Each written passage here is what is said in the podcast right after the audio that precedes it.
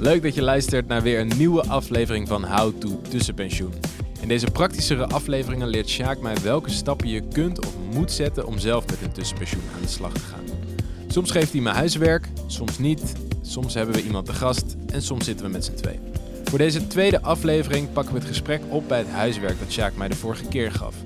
Ik heb een lijstje gemaakt met redenen waarom ik een tussenpensioen wil nemen, maar ook met wat me momenteel nog tegenhoudt. Sjaak helpt me meteen al een aantal van deze zorgen vakkundig uit de weg te ruimen, maar voor een aantal andere hebben we simpelweg wat meer tijd nodig. Sjaak, Luc, nummer 2 alweer. yes. De, dit is natuurlijk een wat praktischere aflevering. En eh, de vorige aflevering heb je me eigenlijk met eh, huiswerk de Klopt. deur uitgestuurd. Dus ik ben netjes eh, mijn huiswerk gaan maken. Terecht. Terecht. Eh, want de vorige aflevering hadden we natuurlijk over van ja, wat, waar begin je nou? En dat gaat eigenlijk over een keuze maken. Dus wat ben ik gaan doen? Ik ben eigenlijk gaan opschrijven waarom zou ik het willen? Mhm, Heel goed. Maar ook wat houdt me tegen? Ja. Wat zijn de beren? Ja, waar moet ik mee beginnen? Nou, be- begin waarom je het zou willen. Dat is natuurlijk Ja. een belangrijke. Dat zit natuurlijk al in, want anders was je deze podcast überhaupt niet begonnen. Maar Nee, ja, het begon natuurlijk met een stukje nieuwsgierigheid. Ja. En gewoon een soort van, wow, dat lijkt me best wel te gek om dat eens een keer te doen. Ehm, ik ben natuurlijk inmiddels een klein beetje bevooroordeeld omdat we al wat mensen gesproken hebben. en wijzer geworden. En wat wijzer geworden. Maar waarom ik in ieder geval wilde gaan is een aantal... Ik heb, ik heb er vijf volgens mij. Ja, ik heb er vijf. Ik heb zin in een leeg hoofd. Mhm. Lijkt me wel lekker weer een keer. Eh, ik heb natuurlijk heel veel met mijn carrière bezig geweest de afgelopen jaren. En ik merk dat, dat, dat ik die modus ook niet kan uitzetten. Nee. Dus toen ik bijvoorbeeld Oliver daarover Ja. hoorde praten, dacht ik van... Zo, dat, dat lijkt me echt erg lekker. Ja. Het lijkt me ehm, een hele mooie ervaring met mijn gezin. Ja. Weet je wel, hoe Freek er natuurlijk ook over sprak. Gewoon zin om lekker met je familie te zijn. Dus dat leek me ook, eh, dat, nou, dat lijkt me een hele mooie. Ehm, omdat ik de afgelopen jaren eigenlijk helemaal niet zo heel veel gereisd heb. En eigenlijk de afgelopen jaren, of althans de afgelopen tijd, als ik dan wel op reis was, dat ik dacht, zo, het is ook wel echt lekker om eens een keer niet in Nederland te Mhm. zijn. Mhm. En gewoon nieuwe dingen te zien. Ehm, ook wel behoefte om een hele andere manier van leven te ontdekken. Dus gewoon even niet het soort van naar werk gaan Ja. en thuiskomen en in het weekend iets leuks doen. En dan op maandag weer naar, weekend, of naar werk Ja. toe. Gewoon eens te kijken hoe dat is. En, ehm, en echt zin om van andere dingen energie te krijgen. Ja. Dus Hele eh, goede redenen. Ja, toch? Ik kan me zo voorstellen dat die aflevering van Freek gezorgd heeft dat je bedacht van, oh wauw. Met Ja. je gezin, ja. Ja, zeker. Nou ja, en zeker ook voor de, voor de zaken die me tegen zouden Ja. houden. Daar zijn er van een paar al wel zeggen, aantal- minder of weg. Of omdat, omdat Freek heeft laten zien hoe hij het met zijn gezin heeft gedaan. Die Ja. stond bij mij wel voordat we deze podcast gingen maken bovenaan, denk ik. Ja. Ja, allemaal leuk, maar hoe ga je daar, eh, hoe, hoe ga je met zo'n rondreizend circus daar ook daadwerkelijk eh, een goede invulling aan geven? Ehm, wat ik nu alsnog wel had opgeschreven is, wat houdt me tegen dat ik me- mijn bedrijven achter zou moeten Mhm. laten of mijn werk, Mhm. soort van. Ja. Omdat het mijn eigen bedrijf zijn, is het toch even net anders gevoelsmatig dan dat ik eh, gewoon mijn baan opzeg. Of net als Jo Janneke een soort van terugkomgarantie. Ja. Eh, helemaal herkenbaar, want ja, ongeveer de meest gestelde vraag die ik krijg van... eh, wanneer ga jij weer een keer? En Mhm. ja, practice what you preach. Maar ik ben Ja. natuurlijk ook al een tijd niet geweest. En precies om die reden, Ja. met, met Bright Pensioen gestart. Ja, de eerste jaren loopt dat eh, minder hard dan je gehoopt had. En op een gegeven moment wordt het succesvol en gaat het als een gek groeien. En dan durf je nog weer... Je zijn altijd reden om het niet te doen. ja, Maar ik zie nu, hè, Freek gesproken, nou, die heeft het verkocht. Nou, dat, dat zie ik nog niet zitten. nee. Ehm, maar ik wil binnenkort ook spreken met een ondernemer die ik ken, die het gewoon ook gedaan heeft. Ja. En eigenlijk ook gewoon een beetje is blijven werken. Maar gewoon gezegd, joh, ik ga naar de andere kant van de wereld. Ja, En dat bedrijf loopt wel door. En dat is ook goed uitgepakt. Dus ik ben Ja. heel benieuwd hoe die dat gedaan heeft. Want ik, ja, ik, ik, eh, ik, zie, die, ik zie die beer ook wel. ja. Dat is ook een ander punt dat ik opschreef van wat houdt me tegen. Dat ik gewoon nog niet zo goed weet of ik helemaal zou willen stoppen met werken bijvoorbeeld tijdens Ja. zo'n periode of niet. Ja. En dat ligt natuurlijk een beetje, dat heeft on- 100% met elkaar te maken. Ja. Ja. Dat vind ik gewoon nog een moeilijke.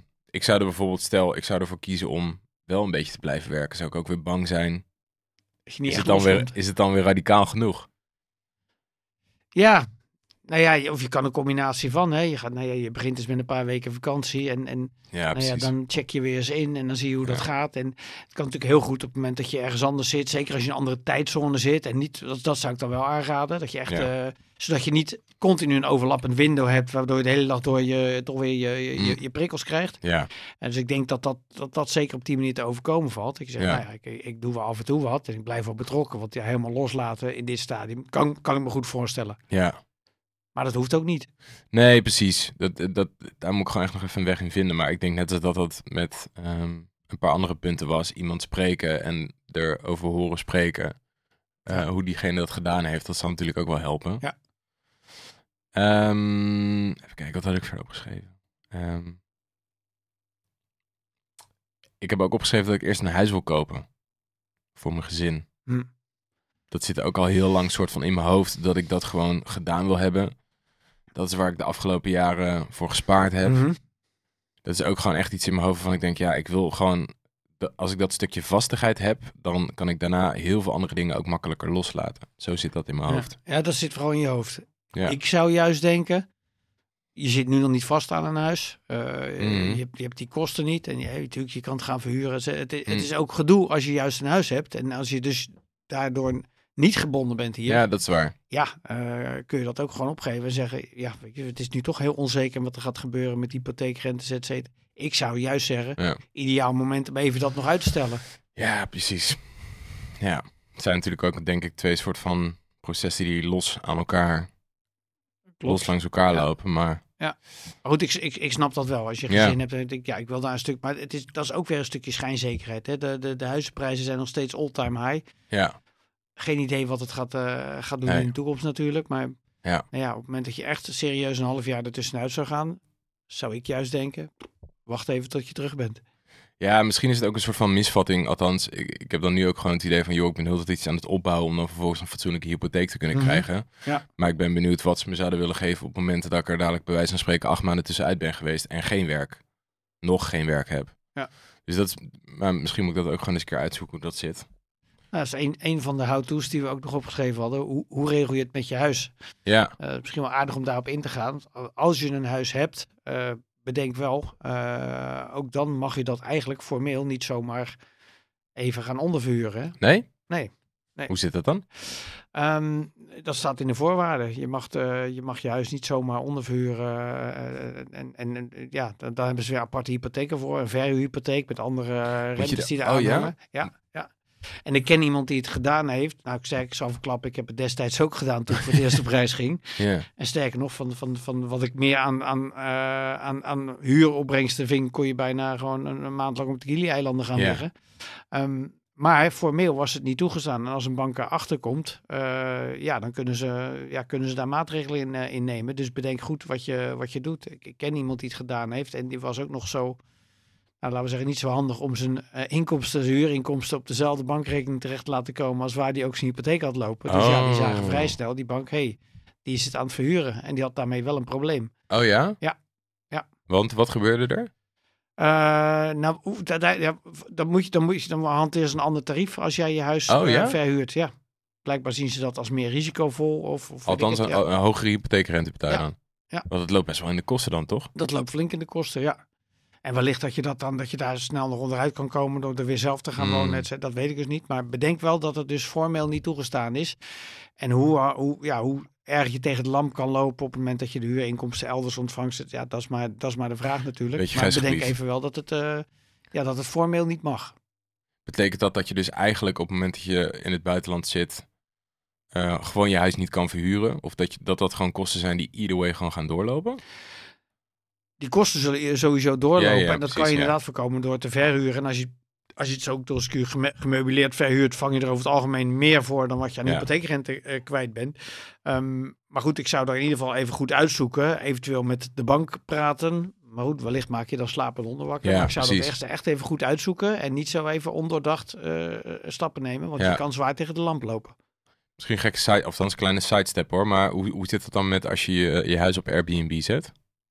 Eh, dat is natuurlijk allemaal heel kort, kortstondig. Hè? Ja, Ja. Eh, dat zou dan wel mogen. Of Uh, ja, nou ja, dat, dat, zal, dat zal ongetwijfeld voor, voor losse dagen niet zo'n probleem op, uh, opleveren. Maar als je natuurlijk gewoon echt langdurig je huis aan het verhuren bent mm uh, en je ook nog eens een keer geen inkomsten hebt, ja, dan is voor de bank natuurlijk risico. Stel je hebt je baan opgezegd, je hebt geen inkomsten oh, meer. dat weegt natuurlijk ook mee. Ja, je hebt geen zekerheid van inkomsten meer. Ja, je hebt weliswaar huurinkomsten, maar een huurder kan altijd opzeggen en ja. weggaan. En nou ja, dan, en, nou ja, vandaar dat de bank dan redeneert van nou, dat is meer, dat is meer mm. Ja. Dus dan hangt een ander prijskaartje aan. Dan snap ik ook wel dat jij zegt van joh, ehm, misschien is het juist slim om te gaan als je nog geen koophuis hebt. Juist, ja. Dan snap ik hem helemaal. En wellicht kan je je huis wel in overleg ondervuren. Want die zegt, nou, ik ga zes maanden weg en daarna wil ik zelf weer terug. Dat zal een stuk makkelijker zijn. Hm. Dus, nou ja. Heeft ook zijn voordelen zo. Heeft absoluut zijn voordelen, ja. Hm, dat wist ik helemaal niet. Ik wist helemaal niet dat dat niet zomaar mocht. Ik dacht dat het kort wel mocht. Nee, dat weet niet iedereen. Maar nee. Dat, uh, ja, zoek dat goed uit. En als gezegd, uh, overleg het eventueel met de bank of in ieder geval met een adviseur hoe je dat het uh, slimst kunt oplossen. Ja, ik, ik, ja, dat zou mijn voorkeur hebben hoor. Dat je in ieder geval of zeker weet dat het niet mag en dan ook gewoon maar de keuze maken om het dan maar niet te doen. Of bijvoorbeeld wel Airbnb of whatever. In plaats van zo'n risico lopen. Ja. Lijkt me toch niet chill om met dat idee op reis te gaan. Nee, goed, dat is misschien persoonlijk. Ja, als gezegd, ik heb het twintig jaar geleden wel gedaan. Ja. ik, ik was er ook niet van op de, was nee. niet van bewust. Had je het wel gedaan, denk je, als je het had geweten? Uh, ik heb het destijds via een uh, zo'n tussen, nou, om reclame te maken, destijds via Rots vast gedaan. Mm -hmm. En dan zaten er speciale clausules, expats, nou ja, iets van dat je, dat je weer terugkwam. Er zijn, of diplomatenclausule heette dat in dat contract. Okay. Dus dan heb je dit wat beter geregeld. En ik kan me voorstellen dat dat minder risicovol is. Ja. Als je het via een, een specifiek bureau doet. Um, en wat nu natuurlijk ook, en dat was toen niet. Hè. Nu bestaat er zoiets als tijdelijke huur. Uh, hmm. Dat was ooit niet zo. Dus vandaar dat je ook nog eens een keer het risico liep dat als die huurder er dan niet uitging, nou, dan was je eigenlijk gewoon uh, de sjaak. Zo, ja. Um, en dat vindt een bank ook niet fijn. Inmiddels is het natuurlijk wel mogelijk om juist tijdelijk te vuren en dat ook contractueel zo vast te leggen. Dus mm. dat, dat, is wel een ander verhaal. Ja. Um, dus ja, dit, eh, ik denk dat ik het zeker wel weer zou doen. Uh, maar wel kijken op welke manier ik zo min mogelijk risico loop. En het liefst op een legale manier. Redelijk netjes, dus ja. inderdaad. Ja, ja oké. Okay. Ja, die kan ik me voorstellen. Alright. Um, nou, de huiskoop ga ik nog maar even goed over nadenken dan. Um, verder had ik nog twee punten. En dat is, ik weet nog niet waar ik heen wil. Mm -hmm. En ik weet ook niet wat een goede timing is. Ja. ja. Ook met mijn gezin bijvoorbeeld. Ja. Dat is natuurlijk wat, wat Freek ook zei van, joh, ik zit echt wel zo'n ja. beetje tijdsgebonden. Maar ik denk dat die twee ook wel, of dan dat, dat het soort van wat je met je bedrijven slash werk doet en de leeftijd van je kinderen, dat je dat echt een beetje samen moet laten lopen of zo. Dat je dan een soort van gouden moment kan creëren om te zeggen, ja, dat is echt een goed uh, window waarin je het kan doen. Ja, veel dingen houden verband met elkaar. Hè? De, de, de locatie waar je heen gaat uh, heeft en van invloed op hoeveel, hoeveel geld je kwijt bent, hè? Wat, ja. wat het kost. Uh, maar zeker ook uh, ja, een stukje veiligheid. Ik kan me voorstellen dat met kinderen dat je minder snel naar Zuid-Amerika gaat. Hm. Uh, ja, is, is, zijn toch onveilige, onveilige landen. Uh, Azië is veel veiliger en voordelig.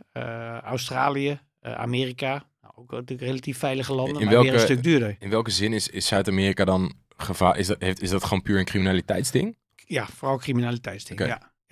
Ja, ja je moet echt wel heel erg opletten. En, en, en uh, ja, weet je, als je gewoon alert bent en oplet, is er niet zoveel aan de hand, hè, zoals nee. meestal. Uh, alleen ja, de, de, je loopt er absoluut meer risico dan in Azië bijvoorbeeld. Ja, ja weet je wel, in, in de gemiddelde Braziliaanse stad worden meer mensen per jaar vermoord dan, dan in heel Nederland in een jaar. Ja. Eh, dat is gewoon een feit. Ja, dat ja. Dus als je met dure spullen rondloopt, et cetera, ben je gewoon target om, uh, om, om beroofd te worden. Wat, hoe, hoe zou, um, ik heb daar ook gewoon minder goed een beeld bij. Ik heb wel een soort van vrienden een keer gesproken die daar zijn gaan backpacken of zo. Maar mm -hmm. als ik Freek zo een beetje hoor, dan uh, spreekt dat bij mij veel meer tot de verbeelding dan met mijn gezin naar Zuid-Amerika. Is dat wel vergelijkbaar? Het type reis dat je maakt, Zuidoost-Azië ten opzichte van Zuid-Amerika bijvoorbeeld? Qua kostentechnisch denk ik wel. Oh ja? uh, beide uh, behoorlijk goedkoop. Alhoewel het ene Zuid-Amerikaanse land ook weer het andere niet, uh, niet is. En dat geldt ook wel een beetje voor Azië.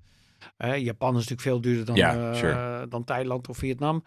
Um, maar qua veiligheid, uh, Azië is gewoon veilig om te reizen. Hè? Ook al zijn dat ook geen rijke landen, maar daar zijn toch de mensen nou ja, wat, wat minder genegen om je, om, om je te hè? opletten moet je overal. Maar sure. Zuid-Amerika is absoluut een stuk onveiliger dan Azië. Ja, ja, alright. Hey, en um, dat stukje geld had je het natuurlijk net ook al over, dat dat mee gaat wegen in die, in die keuze. Ja. Zou, zou dat de volgende, eh, is een beetje een kip-en-ei verhaal misschien, maar Mhm. is, kies je eerst je locatie of kies je eerst je budget? Wat zou jij zeggen? Nou ja, eh, beide is mogelijk. Het ene heeft gevolg voor het andere. Als je zegt, ik heb dit als budget. Hè, ik heb als budget eh eh, 1500 euro per maand. Mhm. Ja, dan hoef je niet naar eh, Australië of eh, Amerika te gaan. En dan zul je al eerder in Azië of Zuid-Amerika terechtkomen. Ja, Zeg je nu, ja, maar ik wil per se naar Australië. ja, Ja, dan weet je dat je daar op een andere manier voor moet, eh, moet sparen. En, en, en Ja. waarschijnlijk een wel wat hoger bedrag opzij voor moet zetten. Dat gezegd hebbend, ehm, ik ben juist in, in Australië en ook Nieuw-Zeeland best wel veel mensen tegengekomen, ook als gezin. Eh, enerzijds omdat het veilig is, maar anderzijds ook omdat ze langere tijd gingen en daar gewoon eh, een, een tweedehands camper kochten. Mm. En die na een half jaar of een jaar weer verkochten. Eh, en op het moment dat je natuurlijk gewoon je eigen natje en je droogje hebt en je gewoon je boodschappen doet en eet. Ja, de boodschappen zijn vergelijkbaar met, met Nederland. overnachtingsplekken kosten niets of nauwelijks iets. Je kan, je kan op plaatsen gratis overnachten. Campers Oh, zijn ook niet heel duur. nee, Ehm, dus ja, daarmee kan je ook wel weer de kosten, de kosten naar beneden eh, terugbrengen. Wat, Dus, wa- waar moet ik aan denken bijvoorbeeld met zo'n camper? Want ik heb altijd het idee dat die dingen echt vet duur zijn. Ehm, ja, maar als je een tweedehands camper koopt, eh, nou ja, ja, laat die 20.000 eh, dollar een, een tweedehands camper kunnen kopen in, eh, in Australië. Ik zou het niet weten. Mhm. Ja, die zul je waarschijnlijk na een maand of eh, acht ook wel weer voor een paar duizend dollar minder kunnen verkopen. Want Ja, er zijn wel meer mensen die dat, die dat willen. Ik Ja. heb destijds toen een, een, een Toyota Land Cruiser gekocht van 17 jaar oud. En die heb ik nou, 25.000 kilometer later, zes maanden later, verkocht voor nou, nog geen 2000 dollar minder. Ja, precies. Dus ja, qua reiskosten, behalve dat het ding natuurlijk benzine slurpte, maar qua reiskosten was ik relatief, eh, en verblijfkosten daarmee relatief goedkoop uit. Ja. Want ja, we sliepen gewoon achterin dat, eh, dat ding. Ja, dus, dus eigenlijk eh, zeg je van, joh, het, ligt er een beetje aan hoe je het wil benaderen. Van, denk je dat je, ehm, ga je juist heel erg zitten op wat je wilt gaan doen? Of ga je je, dat je wat gaan uitgeven. ja, wat je wilt gaan uitgeven? Ja. Misschien omdat je daar beperkter in bent, of omdat je al op korte termijn wil, of whatever. Ja, ja. Ja. Dat, Dus aan de ene kant inzichtelijk maken wat je wil uitgeven. En aan de andere kant inzichtelijk maken wat je zou willen doen. Ja, Dan kan ik me voorstellen dat heb jij al een beeld? Zou je liever naar Azië gaan of bijvoorbeeld Australië? Nou, mijn volgende vraag was eigenlijk van, joh, hoe, hoe kom je achter de, naast het luisteren van deze podcast natuurlijk, achter wat, wat je allemaal kan gaan doen? Ik heb jou bijvoorbeeld ook een keer horen zeggen dat reisgidsen vet underrated zijn onder Ja. mijn generatie. Ja. Hoe, hoe kom je aan, eh, hoe kwam jij bijvoorbeeld aan vette ideeën om dingen te gaan doen in Australië? Nou ja, ik, ik, ik, eh, je hebt eigenlijk, vind ik, twee, twee echt goede reisgoeds. eh, de, de Lonely Planet, die iedereen kent en vrijwel iedereen heeft. En de Rough Guide, die ook populair is, maar net iets minder eh, mensen hebben. Dus daarom heb ik daar een lichte voorkeur eh, voor. Ja, Maar dan heb je gewoon een boek met, met duizend pagina's waar echt alles in beschreven staat. Maar ook echt de handige dingen. Hoe zorg je dat je niet opgelegd wordt? Hè? Elke Ja, plek ja, heeft weer zijn eigen dingen. Weet je, hoe, eh, wat, wat zijn eh, goede off-the-beaten track opties? Hoe kan je als je het gedurende één maand, gedurende twee maanden, drie maanden... Hoe, dus er staat echt zoveel in en alles gewoon bij elkaar. Hè? Plus dat Ja. je, nou ja, als je weer ergens heen gaat, ga je zeggen... nou, we gaan morgen, eh, volgende week gaan we die kant op. Dus even kijken wat daar allemaal eh, Ja. te, te doen is. En het is echt niet zo dat daar alleen maar de, de, de bekende highlights eh, in staan. Nee, want die vind je juist overal online in alle reisblogs. En Mm. dan heeft iedereen het over Fraser Island, de Whitsundays, et cetera. ja, Maar net even ook de, de, de off-the-beaten track options. Ja, die staan echt ook in die reisgidsen. ja. Ja, precies. Dus ook ter inspiratie, als je nu gewoon aan het nadenken bent van, joh, oké, want stel, ik ga dit doen. Dit kan makkelijk nog een paar jaar duren, want dan ga ik me op voorbereiden natuurlijk. Gewoon een aantal van die reisgidsen in huis halen. Misschien de wat Weet je, er zijn ook een paar van die ook nog een spaartip. Eh, elke twee jaar, twee tot drie jaar, komt er van elk land of regio komt er een nieuwe uit. Ja, En dan heb je een aantal van die boekenzaken. eh, hier in Amsterdam zit er ook een paar waar, waar je dan voor 5 euro de oude versie kan Oh ja?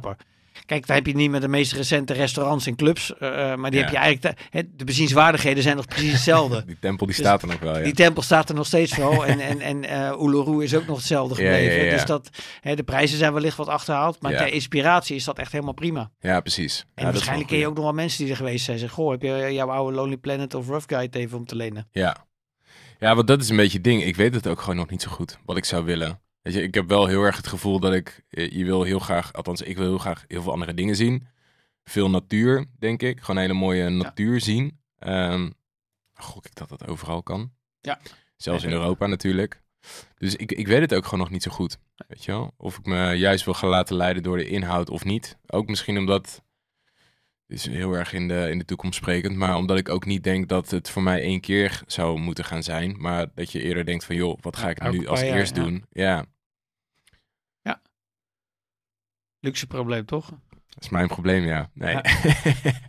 nee dus begrijp ik het goed dat dat misschien gewoon voor mij een, een goede eerstvolgende stap zou zijn. Dus dat ik eh, moet gaan nadenken over of dat ik het is ook budget... een gevoel, hè, wat je, eh, waar je gevoel bij hebt. Sommige mensen willen hun hele leven lang willen heel graag een keer naar Australië. Mhm. Ja, anderen hebben dat niet. Die zeggen, ja, ik Nee. wil gewoon weg zijn, ik wil gewoon natuur zijn. Ik proef een beetje bij dat daar niet een sterke voorkeur voor jou is. Mm. Ehm, ja, eh, eh, Azië is natuurlijk een hele fijne en prettige, prettige optie. Maar goed, met een heel gezin, ja, vind ik ook best wel veel te zeggen voor, eh, voor, voor de ruimte, de leegte en, en, die je in Australië hebt. Ja. De- qua natuur en, en, en natuur schoon en mooie dingen zien, ja, dat heb je, dat heb je, dat heb je in. Azië, heb je in Australië, heb je in Zuid-Amerika. Ja, overal. Overal, ja. Ja, Ook in. Europa, zoals je al zegt. Alleen ja, hier zit het wat, is het wat dichter bevolkt. Ja. Ehm, is, dat, is dat goed huiswerk voor de volgende keer? Gewoon eens gaan kijken van, joh, moet ik me door mijn budget gaan laten leiden? Of Ja. eh, moet ik veel inhoudelijker gaan checken wat ik, eh, wat ik wil? Lijkt me een prima, misschien lijkt me een prima ook- opdracht. En Ja. dan gaan we daarna op basis van je budget gaan we kijken van op welke manier lukt het jou om binnen zoveel jaar dat budget opzij te zetten. Ja, precies. Misschien moet ik het ook gewoon eens met mijn vriendin bespreken. Kijken Lijkt me wat- een eens andere. Kijken wat zij allemaal wil. Nou ja, nice. Ja, want eh, dat is dan gewoon de volgende, toch? Gaan we het gewoon daarover Gaan we hebben. het de volgende keer daarover hebben. Top. Ik Goeie. heb nog wel een paar oude reisgidsen voor je. Lekker. Ja? Yes. Dan wil ik die wel even lenen voor jou, Helemaal Sjaak. goed. Ja. Alright. Iedereen eh, die aan het luisteren was weer, thanks daarvoor. En eh, tot de volgende. Deze podcast is een samenwerking tussen Geuren en Kleuren Media en Bright Pensioen. Wil jij nou nog meer informatie over tussenpensioenen? Check dan www.brightpensioen.nl slash tussenpensioen.